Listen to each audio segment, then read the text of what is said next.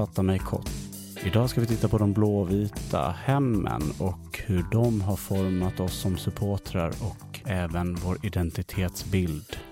För att göra det bäst så ska vi gå tillbaka historiskt sett och för att gå tillbaka historiskt sett så ska vi ner till arkivet där John och Johan sitter och bläddrar. Högst upp i ett vindpinat torn på en avlägsen hed i en dunkel kammare omgiven av uråldriga böcker, pergament och allsköns bråte från en svunnen idrottstid hittade jag Johan Elisson, Feldgrau. Hej! Hej! Där sitter du med Sveriges första idrottsjournalist, Torsten Tegner. Precis. Vad ska du med honom att göra? Jag gillar honom inte speciellt mycket, men det är intressant eh, att läsa vad, vad han har skrivit kopplat till Göteborgsfotboll och, och geografi.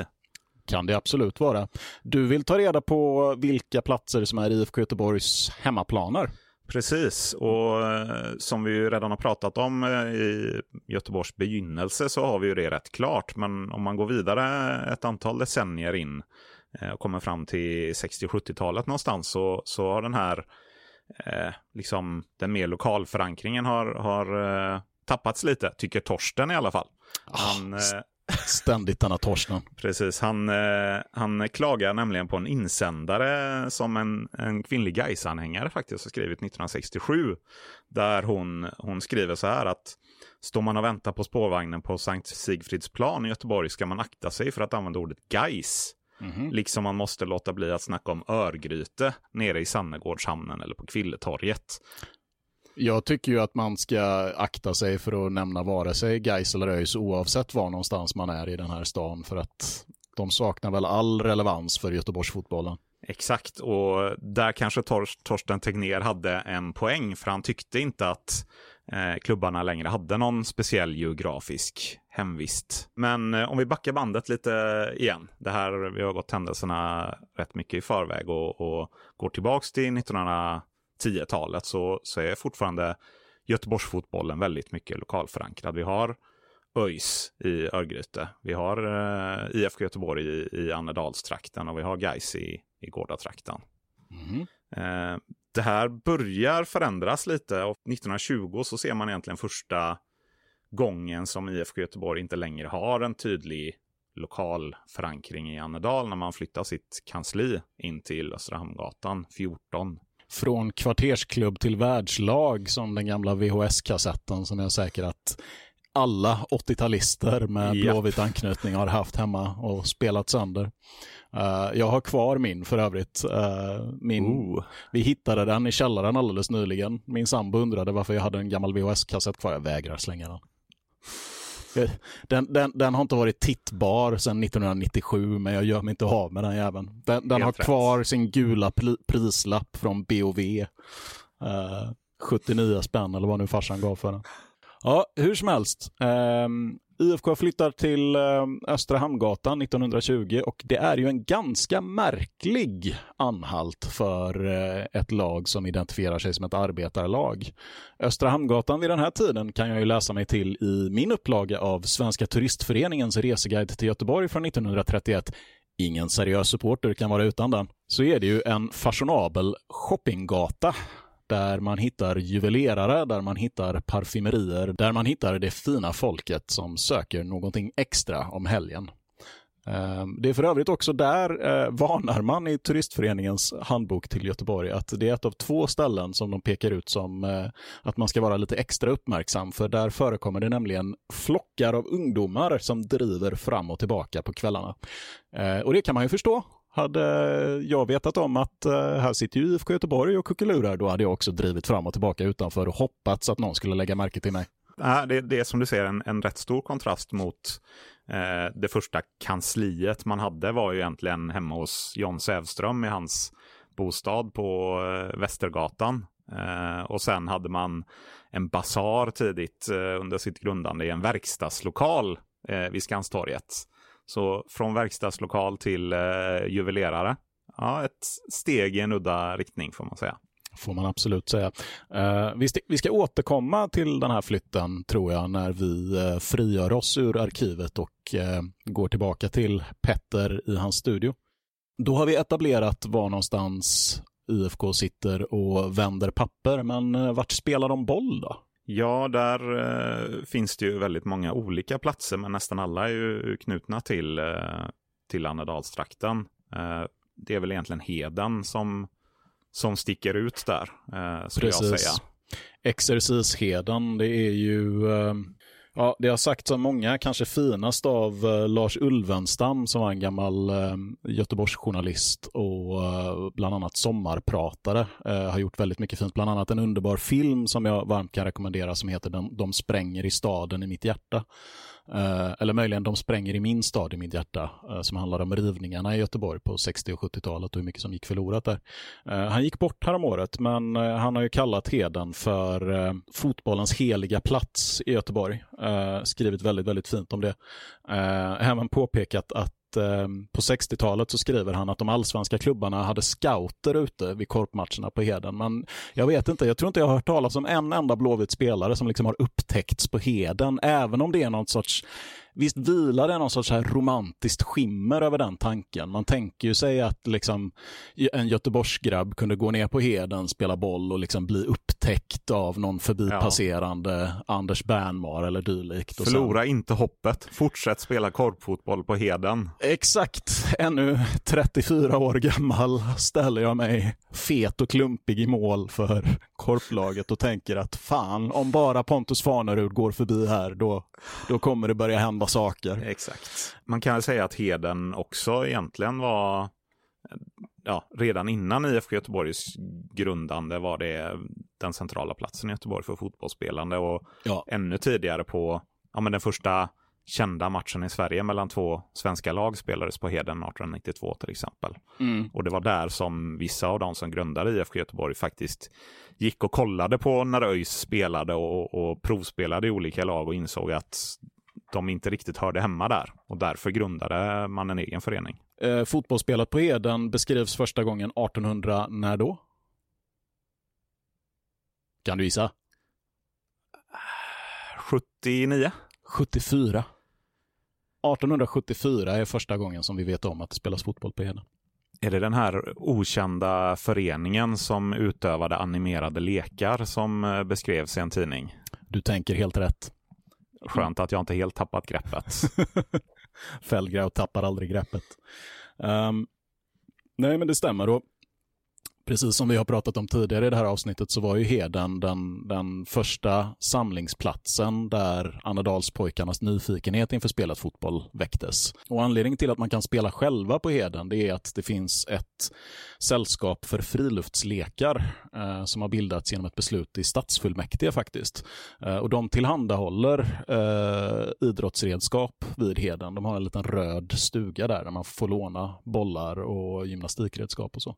Eh, så där kan man gå och plocka fritt från 1901 och framåt. Sen inser man också, har jag läst mig till i, i arkivet här, att det fanns inte riktigt all utrustning där utan man eh, hade egenhändigt snickrat ihop målstolpar och så vidare och det var rätt jobbigt att släpa dem från, från Annedal till Heden och därför började man istället nyttja Karlsrofältet och, och eh, dalen i Änggårdsbergen som man kallade de första platserna där man ja, redan innan grundandet eh, började spela, men också efter grundandet. Så att... Just det, och nu är du inne på eh, platser som vi också eh, har nämnt i ett tidigare avsnitt, men det är ju faktiskt just på Karlsrofältet och kring de här ängarna ute i det lokala som de första spelplanerna stod om man tänker på IFK Göteborg som faktisk förening.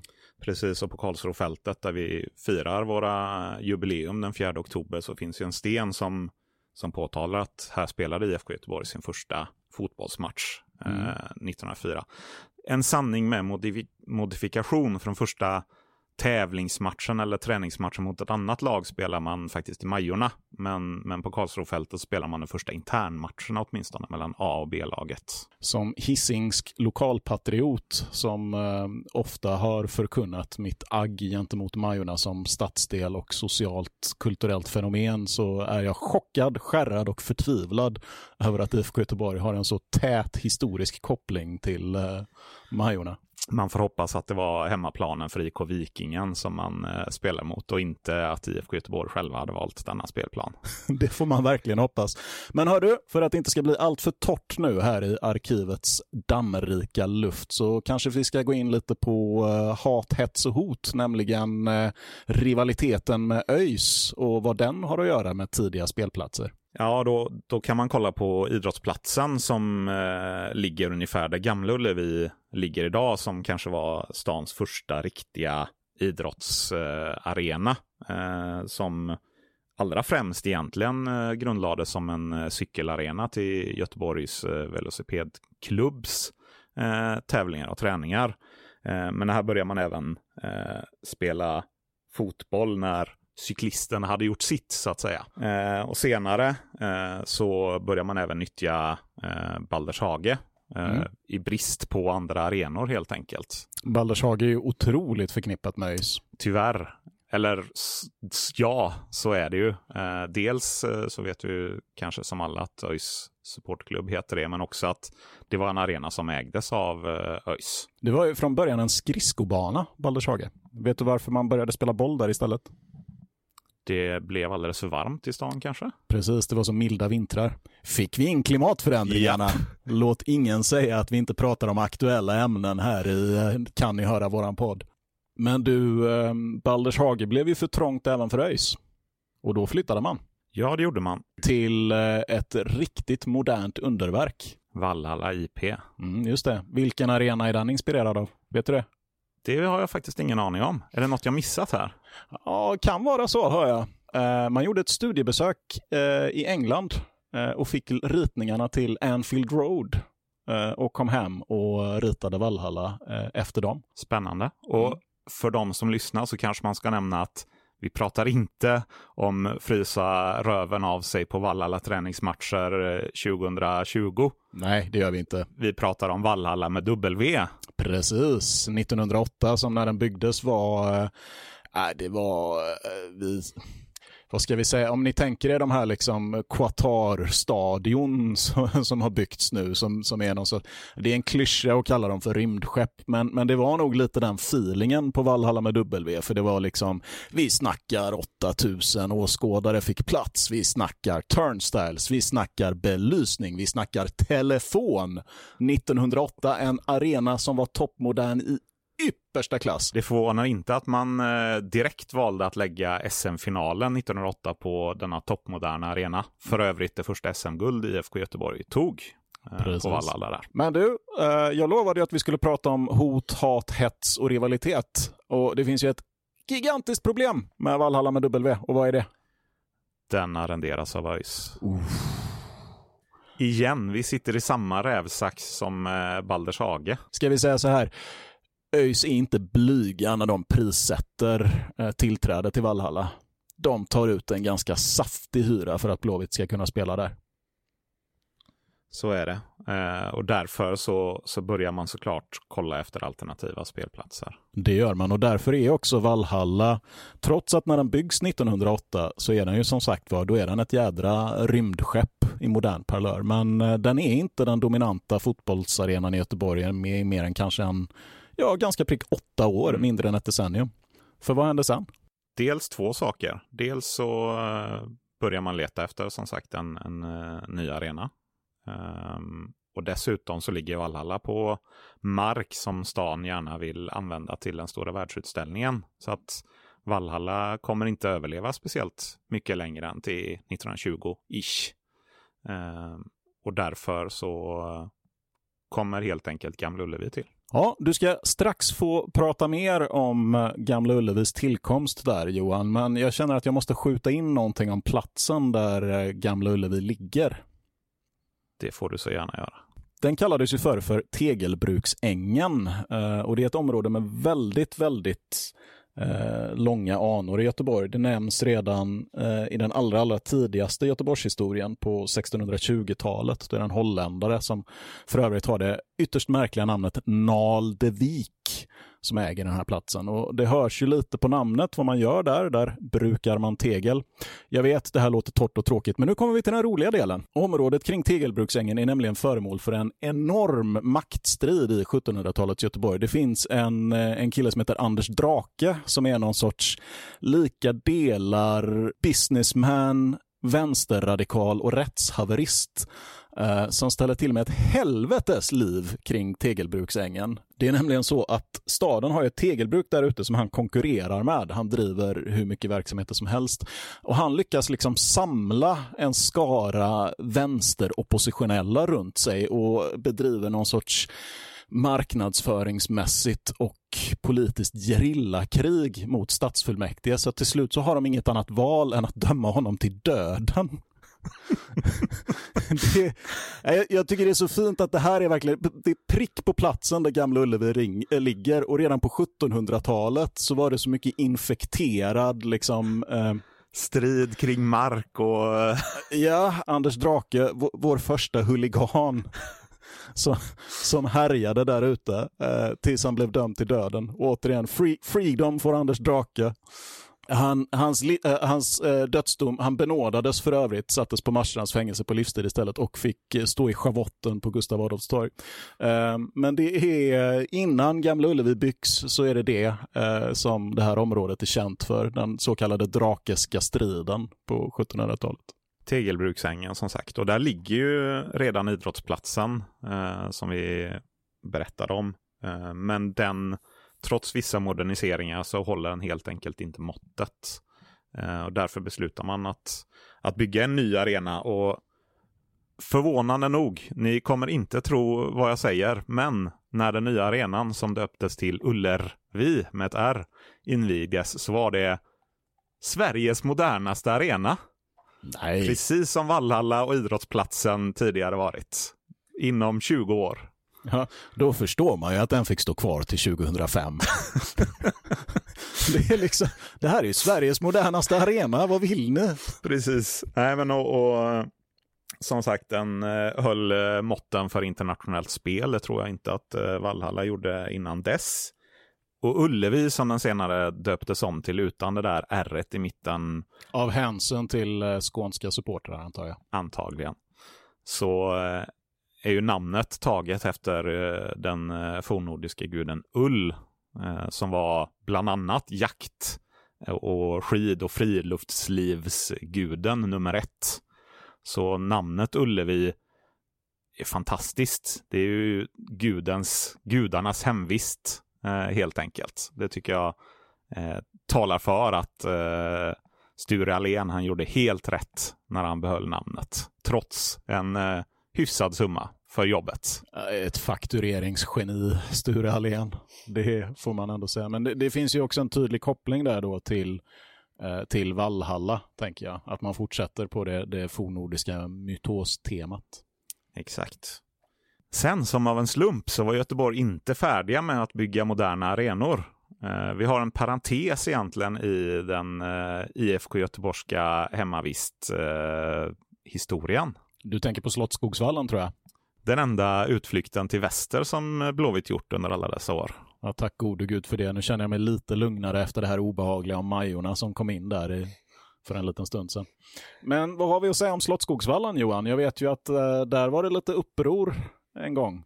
Ja, vi var inne på det i tidigare arkivbesök eh, när eh, Alliansen ville höja eller lägga till en nöjesskatt helt enkelt som gjorde att det var lika många utanför arenan som på arenan i protest. Eh, och Slottsskogsvallen eh, började planeras eh, rätt tidigt, redan eh, 1913 så pratade man om att eh, förlägga en modern arena till, till eh, Slottsskogen. Men den invigdes inte förrän 1923. Eh, då var den återigen Sveriges modernaste arena i konkurrens med, med Gamla Ullevi. Och som en slump så eh, hade publikkapaciteten satts till ett par hundra mer än dåtidens största svenska arena, eh, Stockholms stadion. Ja, då bygger man alltså på ett spann på kanske 15 år i kort följd Sveriges tre modernaste fotbollsarenor efter varandra.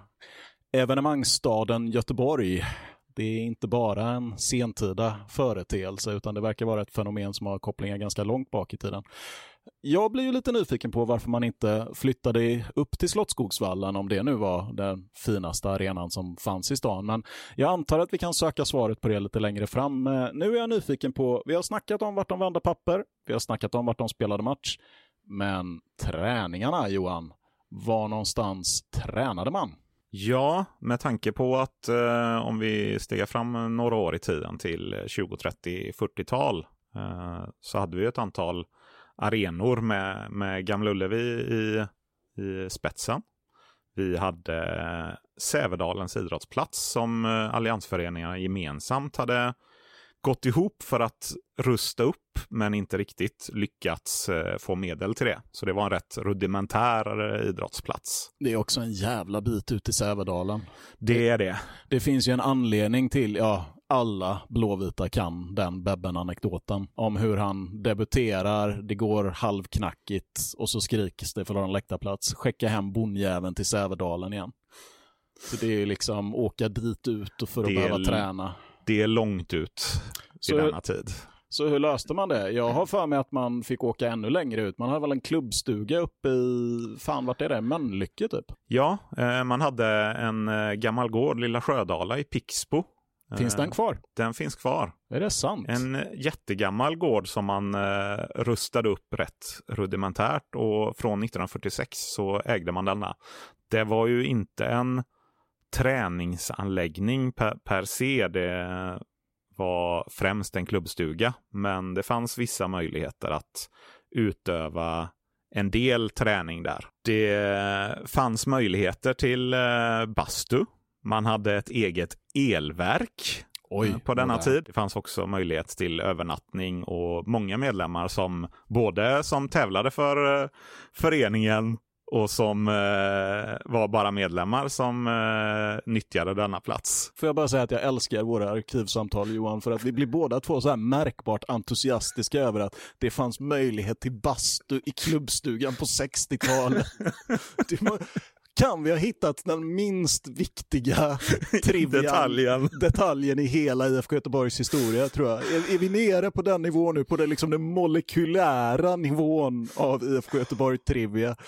När vi Precis. båda två sitter och ler åt att det fanns en bastu i Mölnlycke ja. på 60-talet. Där kan Bebben ha suttit och bastat. Man blir varm ja. i själen när man tänker på det. Det fanns inte möjlighet till eh, en, eh, att tvätta av sig annat i den lilla bäcken som flöt bredvid dock. Man hade planer faktiskt på att anlägga en träningsplan för fotbollen här, men, men de eh, kom aldrig till sig riktigt. Och där kommer vi väl egentligen in på Kamratgården Just det, Kamratgården som väl är, om man frågar Blåvita idag, vad är, var finns Blåvitts själ och hjärta? Var hör IFK Göteborg mm. hemma? Då tror jag det är nog fler som svarar Kamratgården än svarar Ullevi.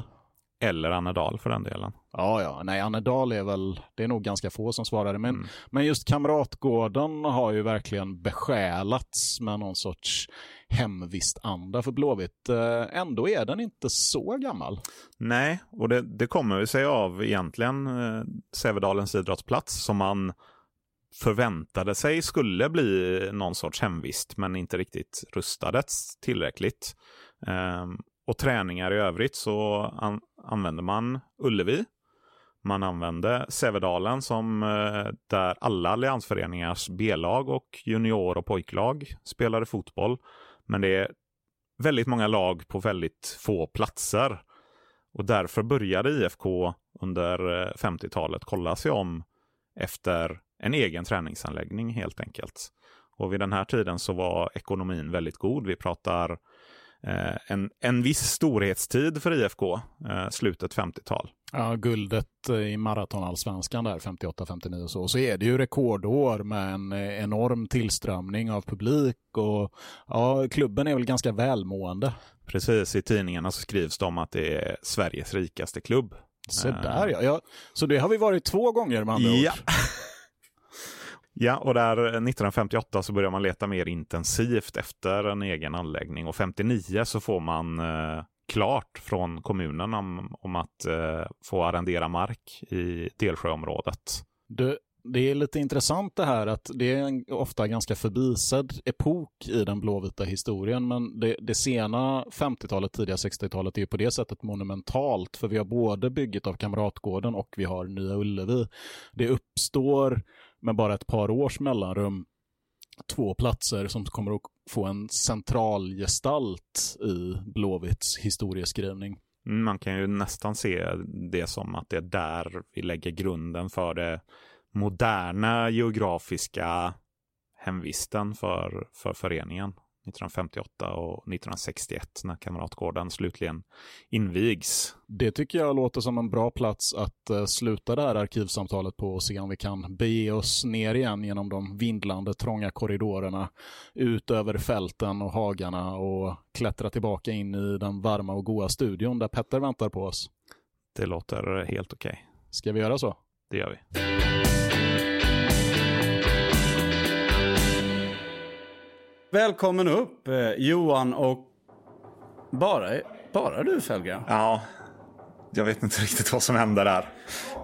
Nej, men du är välkommen ändå. Tack. Eh, Okej, men du, vi, vi kommer inte bli ensamma här uppe. Nej, jag hittade en eh, kär eh, kamrat på vägen faktiskt. Ja, vad härligt. Och eh, för, för, mig är det en stor grej. Det här är en, en, en person som har betytt mycket för mig. Framförallt supporterpolitiskt. Eh, för hela den svenska sportkulturen. Precis. Vi har med oss eh, Anders Almgren. Välkommen. Tack så mycket. Välkommen. Ja, härligt att ha dig här. Jag tänker så här att um, i Malmö så har de två banderoller som jag kan känna är lite härliga att titta på ibland. Dels så är det Picho Alonso banderollen. Jag önskar. Som då sänkte oss, Barcelona-spelaren 86. Eh, jag önskar att vi var tidigare med Trevor Francis, men eh, som sänkte dem. Men sen så är det också en eh, banderoll på dig. Ja. ja. Den, den var nog bara uppe någon enstaka gång, men visst. Ja, men den, den, är, den, den har varit uppe. Ja, och den är dokumenterad i boken vi utgår så mycket ifrån i den här podden. Världens vackraste bok. Ja, verkligen, verkligen. Svår att eh, få in i akronymer och eh, ganska, ganska lång att säga. Men väldigt fin är den. Och den finns väl fortfarande att köpa?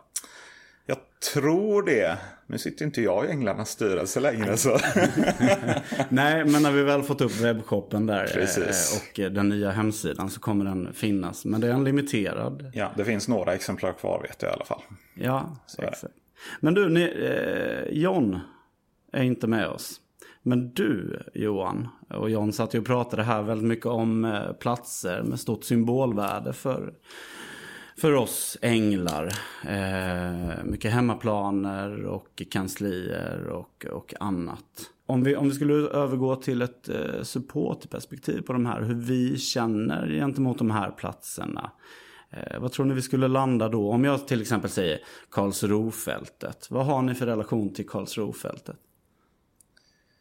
För mig är det väl en lite bortglömd plats. Inte så att man inte vet att den finns. Men den, för att vara så central så kanske den nyttjas väldigt sällan ur ett blåvitt perspektiv.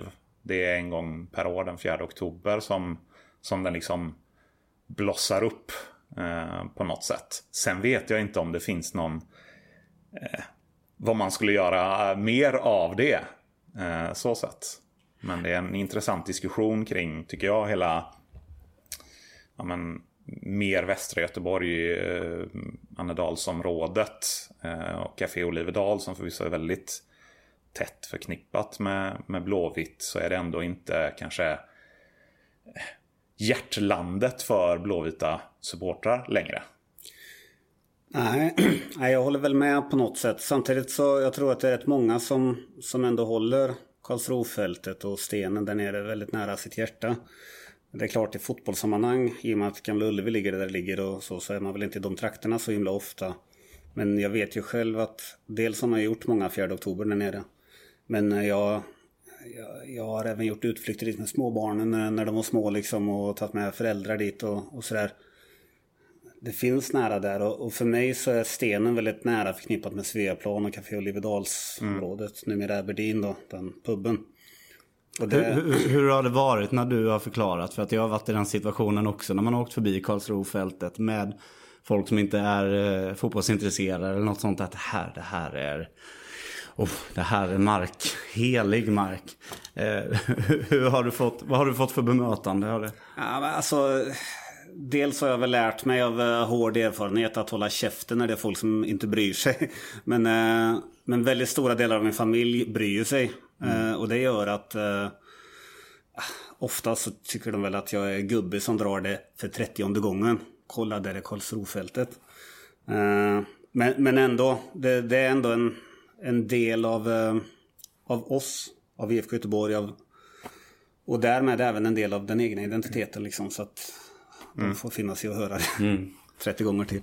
Om, om vi mot all förmodan skulle ha lyssnare här som inte vet var Karlsrofältet ligger så är det ju de här trakterna kring Annedal och, och Slottsskogen då som vi har diskuterat. Så om, om det sitter någon här från Stockholm likt som åker på Way Out West väldigt ofta så kan man tänka att vid huvudentrén så går det någon slags... Eh, Cykelavgång bro tänker jag på. Ja, cykelgångbro men också den är liksom, det, det är ju, det är ju en gräsplätt som är liksom inbäddad i lite motorvägs, alltså man får lite så Los Angeles-känsla över det. Fan vad du tappar mig det. Ja, ni, ni, har inte tänkt på det alls? Nej, alltså, jo, jag, jag, jag håller inte på med Way Out West. Så jag tycker det är jättekonstigt att försöka placera Karlsrofältet med någonting som är ännu mindre känt. Nej, nej precis. Nu, nu, tog jag ju det utifrån att det skulle vara någon som inte har en relation till Karlsrofältet. Ja. Eh. Det, det, är ju faktiskt eh, Los Angeles-känslan där. Det är ju sant för Karlsrofältet har minskat i storlek över åren för att man byggt motorvägs eh, eller ja, rondell, inte rondeller men avfarter och spårvagnsbroar och allt möjligt. Så att, ja viss, viss Los Angeles-känsla kanske det är. Ja, men ni, ni, nämnde 4 oktober här nu då också. Jag har varit med kanske, jag har nog varit där två, tre gånger. Jag har inte bott i Göteborg så länge och tagit det någon gång utifrån att jag har åkt upp också som exilsupporter. Men det, då är det så att, eh, om vi ska gå igenom riten där, att man samlas vid den här kamratstenen. Som för övrigt, där, om vi nämner den här filmen som John pratar om också, från kvartersklubb till, eh, till världslag. Så börjar den vid Kamratstenen där. Och det gör också den här, eh, den här kvällen där man samlas 1904. Och eh, man läser upp historien om hur, hur det grundades. Sen går man till eh, restaurang Aberdeen. Den... Ja, som ja. ligger på, på samma adress som Café ja. Olivedal gjorde. På Sveaplan där. Mm. Ja. Precis. Vi kanske inte behöver nämna mycket mer om restaurang Aberdeen. Och... Det är ett episkt ställe på många, på många sätt. Men, ja. Det, det viktiga är ju att den ligger på samma adress som uh, mm. Café Olivedal gjorde. Bara, bara, för att vi ska vara noggranna med begreppen. Kamratstenen brukar ju folk referera till som den här stenen som står uppe vid, vid uh, gamla... Ja, just det. Kamratgården. Kamratgården, precis. Uh, men visst, det finns en minnessten där nere på, på Karlsrofältet. Ja, jag nämnde, jag sa det som kamratstenen. Ja, alltså. och det är väl inte helt fel. Men, men begreppet brukar användas för stenen på Gamla Eller på Kamratgården. Ja, det är en helt, helt, helt befogad rättning. Eh, vad, har, vad har vi mer? Vi har ju då Kamratgården. En bra övergång om inte annat. Mm. Eh, och där, eh, ja hur ska man beskriva det här området? Ja, Delsjön, östra Göteborg, öster om Örgryte. Mm. Örgryte kommer vi aldrig bli av med. Nej. Eh, ett stort, eh, väldigt tjusigt grönområde. Ja. Eh, i utkanten av Göteborgs centrum kan man säga. Precis, och när man sökte ny mark som vi kollade lite på i arkivet så ville man ju hitta någonting som var nära stan jämfört med Lilla Sjödala i Pixbo som alla behövde ha bil till men, men samtidigt ute i grönområde. Det var ju inte bara fotbollen där utan orienteringen också som ville ha nära till liksom, grönområde för att kunna utöva, mm. utöva sin, sin sport. Mm. Eh, jag tycker det är intressant uh, ur perspektivet att det aldrig riktigt var blåvitt mark på det sättet. Men har blivit extremt mycket blåvitt mark efter, efter Kamratgården. Efter att vi lämnade kvartersklubbstämpeln så var vi väldigt mycket en centrumklubb med, med kansli mitt i stan och mm. liksom tränade främst på, på Ullevi eller Gamla Ullevi. Men det känns som att de senaste, vad blir det, 40-50 åren så har mer östra delen av stan varit, blivit mer Göteborgs eller Blåvitt förknippad. Ja, det är intressant och du har ju även för, förärats med Kamratgårdsvägen där också. Eller Just det, precis. Ja. Eh, och många av de eh, lägenhetshusen där har väl varit spe, spelarlägenheter. Mm. Mm. Exakt. Ja, och det, det är ju en väldigt härlig plats. Det är väldigt naturskönt. Det... Man ska väl säga det också att uh, de är väldigt öppna där uppe. Även om det inte bara är att gå rätt in längre. Det, det är väl nya tider nu så att säga. Uh, nya behov. Men, men det är ju ett välkomnande och väldigt fin plats. Är det Blåvita som inte har varit där så är det bara att rekommendera att åka upp. Mm. Det... Ja, fantastiskt är det. Precis. Frågan då är, har de bastu? får man ju förutsätta. Hoppas det. Det är helt klart att de har bastu Jag tänkte på, vi nämnde ritualer och du började, du nämnde identitet. Anders, vad, vad, hur kopplar liksom supporteridentiteten till geografin? Finns det något material att gå tillbaks på för att ge någon sorts grund kring, kring de frågorna? Ja, alltså eh, jag vet inte riktigt hur jag ska ta mig an det där. Jag, om det är okej okay så gör jag en liten utvikning här och, och, bara pratar om... Vi pratar om platser som alltid har en eh, väldigt stark koppling till eh, identitet. Eller i alla fall väldigt ofta. Men bara för att kontextualisera det då. Vad, vad är identitet egentligen? Och ska man tänka på det så kan man för enkelheten skulle utgå ifrån att det alltid finns ett vi och ja, i princip alltid även ett dom i ett identitetsbygge. Och ofta är det enklare att peka på dem än på, på oss. Vi, vi, är väldigt heterogena på läktarna men vi har en gemensam känsla. Men vad är det vi har gemensamt egentligen? Vill man rota i det där lite grann så kan man, kan man utgå från symboler och fundera på vad de har för, för historier kopplade till sig och för värden och sådär. Och eh, de här symbolerna kan ju vara allt från vårt klubbemblem med den historien som många tänker på 1904 och Café Olivedal och våra titlar och så här. Eh, det kan vara andra typer av symboler, till exempel platser som Gamla Ullevi eller Kamratgården. Eh, det kan vara sånger och sångtexter eller ritualer som, som när vi sjunger eh, Snart skiner Poseidon och sådär.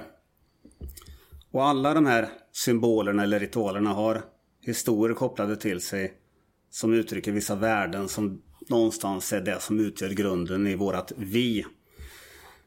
Och för att återknyta då till eh, till de här platserna. Så ni, ni har ju redogjort för en lång rad platser som vi har kunnat förknippa med klubben genom åren. Och nu då så nämner vi Östra Göteborg som vi kanske inte förknippar med, med IFK från början utan snarare mm. en lokalrival. Uh, och det säger någonting om hur de här platserna förhåller sig till vår identitet. Det handlar inte om den exakta historien utan våra historier, de som vi berättar om de platserna vi väljer ut som viktiga, till exempel Café Olivedal eller Sveaplan då. Karlsrofältet som vi återberättar över hundra år senare om och, och håller nära hjärtat som jag sa förut här. Idag så tror jag att jättemånga skulle hålla Kamratgården som en av våra viktigaste platser. Mm. Det är mm. vårt hem på många sätt. Eh, och det spelar fan ingen roll att det ligger uppe i östra Göteborg, mm. att man förr tänkte på det där som Öst Örgryte. Det är väl ingen som tänker på Örgryte överhuvudtaget längre. Eh, som lag i alla fall.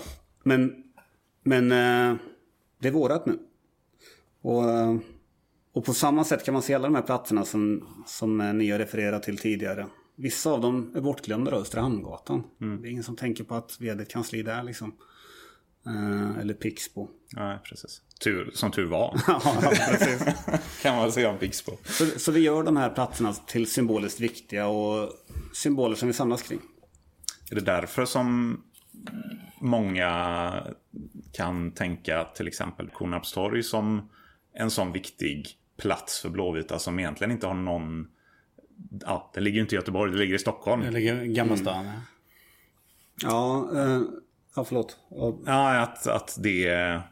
Eftersom det är en så vanlig samlingsplats, både när det är bortamatch där men också att mm, Stockholmsboende blåvita ser matcher på, på krogarna där. Att, att det lever i minnet eh, hos de som är supportrar idag och att det gör det till den här symbolplatsen. Att det inte främst handlar om vad som hände för 80 år sedan när ingen idag nu levande supporter har och vårdar de minnena. Utan mm. att det alltid är föränderligt med dagens personer eller massa. Mm. Ja, ja, men det, så kan man väl säga. Alltså det, de här platserna, om man kollar på det ändå från en sociologisk ut, utgångspunkt. Så vissa av de här platserna är ju statiska kan man säga. Det kommer alltid vara Blåvitt. Gamla Ullevi kommer vi väldigt förknippa med mm. IFK Göteborg. Sen finns det andra platser som kanske inte får samma symboliska värde men i en viss kontext får det. Mm. Eh, Kornhamnstorg är ju en sån då. När vi åker till Stockholm så är det fan våran plats. Vad som händer där däremellan, i alla fall när det inte är Blåvitt-match, eh, skiter de flesta Blåvita i, även, även förmodligen mm. Stockholm. Eh, men men eh, när det är Blåvitt-match i Stockholm eller när våra kamrater uppe i Stockholm samlas för att se en, en match på tv på Kornhamnstorg så är det, då är det en, symbol, en symboliskt laddad plats där folk reagerar om, om det sker ett intrång. Det är ingen slump att Firman Boys åkte ner och satte sig där mm. eh, inför någon match när vi var på väg dit. Eh, och det där var en medvetet försök att kränka oss. Det var en ordentlig backfire på det. Vi fick åka till Lövenbrau istället som var ett kärt återseende på detta, detta, kommer jag ihåg. Det var 2011. Vi skulle precis möta vår, vår fjärde raka förlust inledande av Allsvenskan 2011. Ja. Jag eh, bor ute hos min mamma i Bagarmossen. Och ska ta, ta mig in till Kornhamnstorg själv. Kommer dit, eh, möter upp eh, ja, ett 30-tal poliser och eh, lika många legister från, eh, från Solna. Mm. Och frågar vad tar jag vägen nu? och, och de säger ja du tar, du tar Jo jag vet hur jag åker till Solna men jag, jag, skulle gärna inte göra det själv utifrån den här situationen. Var, var befinner sig de? Är det på Fridhemstorg? För jag kommer ihåg det varit tidigare på Lövenborg där vid Fridhemsplan. Men hade de ingen aning om utan jag, jag fick irra omkring där själv liksom. Ja. I, i Blåvitt-randigt. Men jag, jag kommer att tänka på ytterligare en sån som kanske ligger närmare Göteborg. Att hissingen är en extremt viktig blåvit plats i samband med att vi möter Häcken. Men kanske inte så mycket annars. Som en sån kontextualiserad eh, viktig geografisk plats. Ni är konstiga bägge två nu först. Way Out West och sen Hisingen är det riktiga Göteborg. Men eh, men eh, visst, hissingen är ju någonting som Häcken försöker göra anspråk på fast alla vet att hela Göteborg är blåvitt. Ja. Och eh, det är klart att vi sparkar bakut och det... Precis. Eh, andra platser som man kanske inte normalt förknippar med IFK Göteborg just med våran subkultur är ju Avenyn och Vasa. Vasa, Vasastan mm. där många samlas. Och det är även där numera då platser som folk gör anspråk på i samband med match. Liksom, mm. Och färga blåvit och så. Vi sitter ju egentligen över hela centrala Göteborg. Ja. Men just de platserna blir symboliskt laddade. Både för oss och därmed även för motståndare. Det är ingen slump igen att Slask Wroclaw sprang dit och sprattlade när, när de var här. Liksom. Eller i alla fall deras kamrater från vad det nu var. Och, och även just att det är föränderligt över tid. Att om vi pratar samlingsplatser, att jag minns när jag började gå på fotboll och inte åkte på bortaresor så var det ju Harrys på, ja, eh, vad blir det? Ja, ja mellan Heden och Avenyn. Ja, precis. Där det alltid var fullt. Och det var Blåvitt samlingsplats för mm. mig. Och sen mm. har det liksom glidit över Avenyn och sen kom matchtröjeförbudet lite och så har mm. det skjutits till numera Vasastan. Och tidigare än det när inte jag var med så var det väl, ja, vad kallades pubbarna runt eh, Brunnsparken som var liksom uppsamlingsplatsen. Nu tappar jag ja, namnet. Nästa slog vi det. Nästårs bland annat ja. Men, men, eh, det som var Harry sen eh, var ju även tidigare White Corners. Så det var samma ja, lokal om jag minns rätt nu. Jag var inte riktigt med där men... men uh... Och så har vi Frigga gatan med Gamla Änglarna. Eh, lokalen. Som också var en viktig plats då. Precis. Jag ska väl nästla oss in lite det här med eh, just uppvärmning. för att ni nämner väldigt många eh, intressanta punkter som vi kanske borde gräva lite i.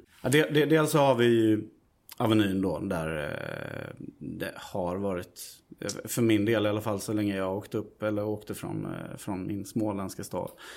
Att man, satt sig, man tog sig dit och satte sig bara någonstans liksom. Men där dök det upp sen ett matchtröjeförbud. Mm. 2012 tror jag. För att man skulle, citat, skydda allmänheten. Mm. Från, från bråk. Ja, jo. Eh, och sen har vi ju Friggagatan på andra sidan. Eh, om man tänker efter mm, området Stampen. Mm. Eh, bakom Fattighuson. Och där hade England en egen pub. Precis, under rätt många år. Och det var ju även Blåvit merchandise-försäljning som änglarna skötte ett bra tag innan IFK själva tog över den delen egentligen. Så Änglarna hade ju en väldigt hög omsättning både pubmässigt och merchandisemässigt. Som dog ut lite sen. Det var väl en av anledningarna till att man var tvungen att stänga lokalen. Det kostade alldeles för mycket för en så lite, liten förening till mm. slut att hålla det igång. Mm.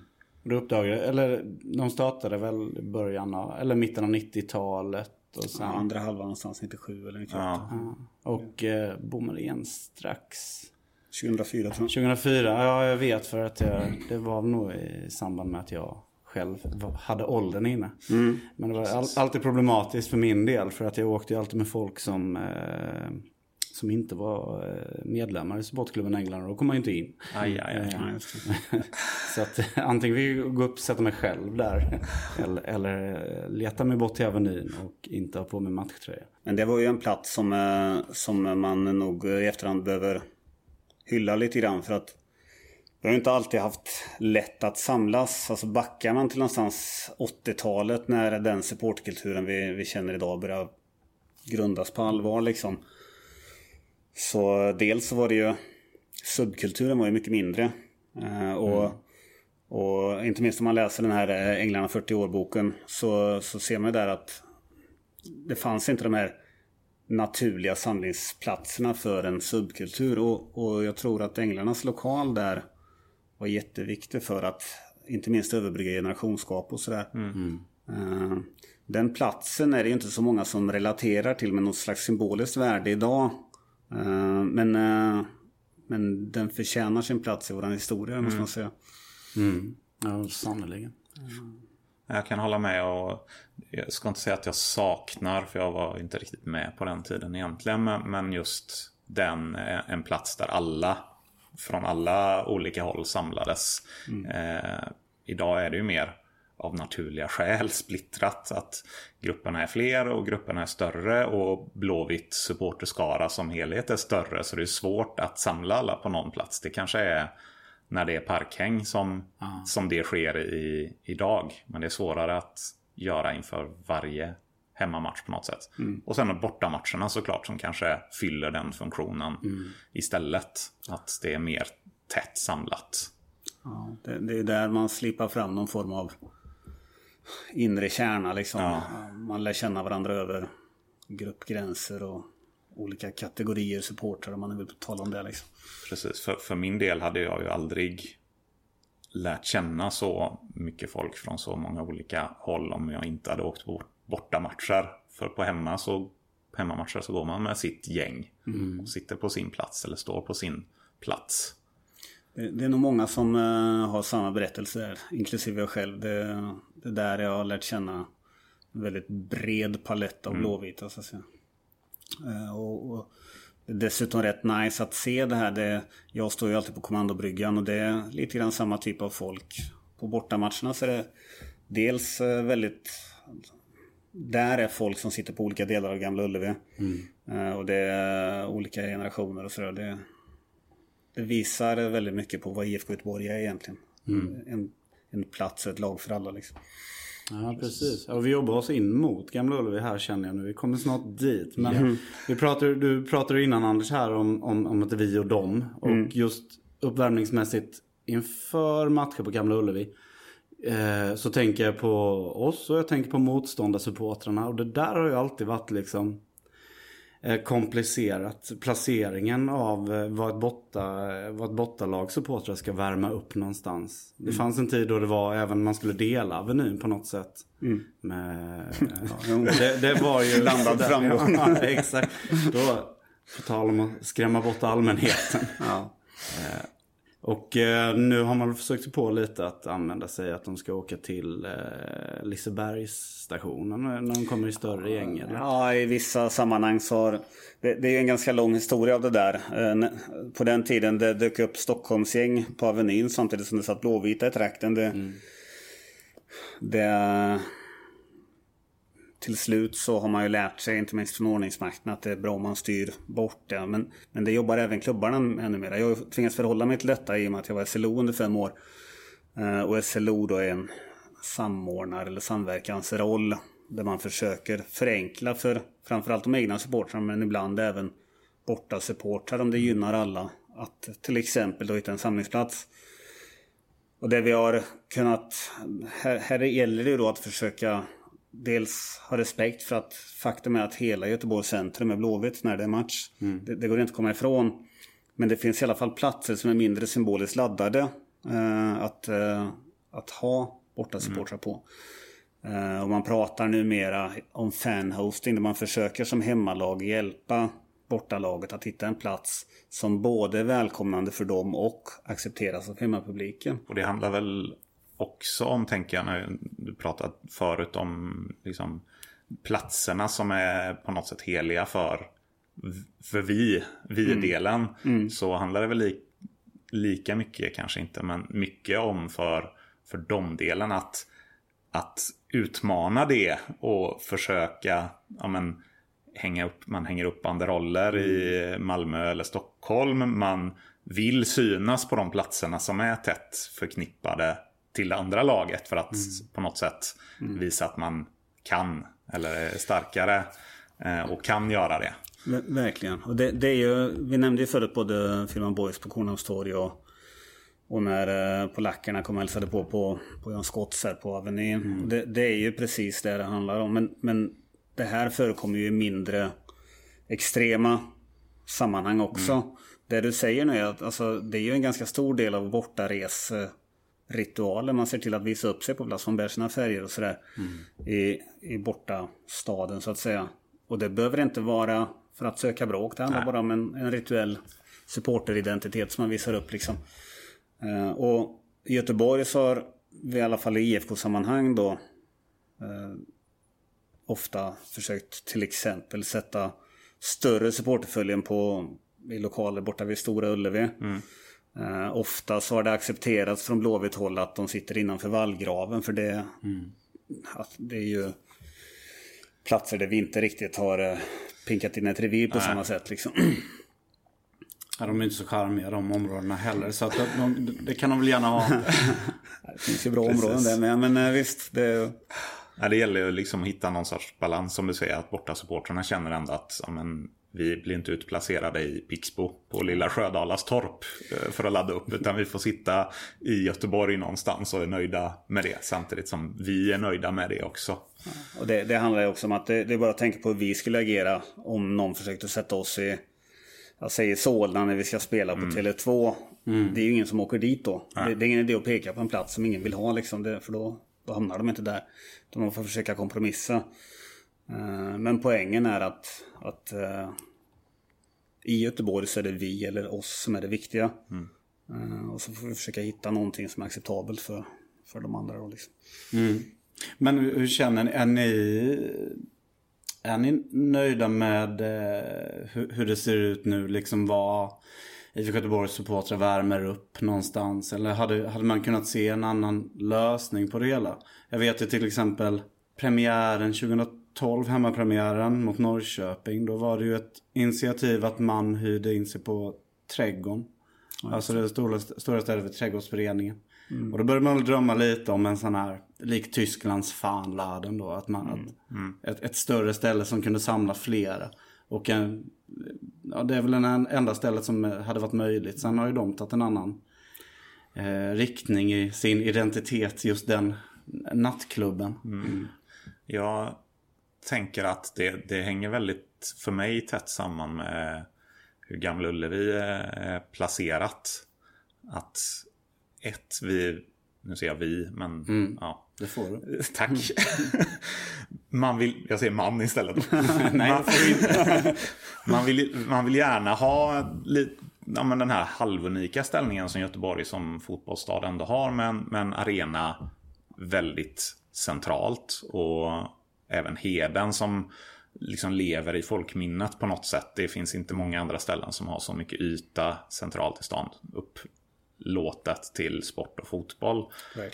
Um, men samtidigt har man en arena väldigt centralt i stan så finns det inte riktigt utrymme för att ha de stora ja, fanladdens eller motsvarande mm. uppladdningsytorna på, på samma sätt. Så för mig blir det lite vad är viktigast? Är det att ha en arena väldigt centralt eller ska man någon gång i framtiden hitta en plats för en arena där man har större möjlighet till den sortens supportergemenskap runt om? Samtidigt så kan jag känna att jag vet inte om det finns något behov av fanladden-fenomenet varje match. Jag tycker det är nice när vi har det någon gång ibland så är det inför en premiär mm. eller någon större match. Men, men annars så är ju fotboll en del av ens vardag och vardagsliv så att säga. Och eh, alltså, jag kan gilla det här. Eh, mitt, det kompisgänget som jag brukar hänga med samlas på en särskild pub. Och, och det är rätt mycket folk där. Det är mm. flera gäng som hänger där. Så det kanske kan vara vid en större match 50-60 pers eller någonting. Uh, och det är ju ändå rätt mycket. Mm. Mindre tillfällen kanske bara 10 men, men uh, det beror lite grann på när, vilken dag det spelas och så. Men de här stora lokalerna som Trädgården till exempel. Jag är inte säker på att alla skulle vilja gå dit varje match nej, när det inte är någon särskild liksom. Nej, och, och, så ska man ju dessutom komma ihåg att är det en riktigt stor match då räcker inte Trädgården heller. Nej. Då får man ju i de riktigt stora lokalerna i Göteborg. Det är inte heller Nej, precis. självklart. Liksom. Val, Valhallabadet. Ja. Däremot så har vi återkommande till exempel parkhäng på ja. somrarna. Och den typen av grejer tror jag är jätteviktigt för att ja, men verkligen låta folk lära känna varandra och känna en, en stor samhörighet. Men, mm. men jag är inte säker på för min del att uh, jag hade varit intresserad av att förhandla den grejen. Nej, för man ska väl vårda två typer av uh, eller minst två typer av just eh, folk som går på matcherna. Dels så har man ju det kompisgänget, hänget, men då är det också, det kommer ju folk från, från andra städer som när, under tiden som ni sitter på puben där, mm. re, sitter på tåg eh, mm. och, och annorlunda. Att man kanske ska ha ett behov av just Ja men det finns ju, det finns ju ensamma människor också som, som har, en, har en supporterkultur som ett, eh, sitt gemensamma sammanhang som mm. man vill vill, vill koppla an till och bli en identitetsskapande. Så just sådana här större samlingar är nog viktiga att ha också under stunden. Jag, jag tror dessutom att det är viktigt att vi, vi har ett ställe som man vet att ja, men dit kan man gå på match om man kommer träffa Blåvita. Mm. John Scotts på Avenyn har ju fungerat som den de senaste åren så vitt jag förstår. Jag, jag är inte där så ofta inför match men men eh, det är i alla fall där som man för några år sedan pekade ut att men där, dit kan man gå. Mm. Så. Ja, precis. Och det, det, det, är samma restaurang där som uttalar sig just kring matchtröjeförbudet om man, om man läser gamla GP. Mm. Men...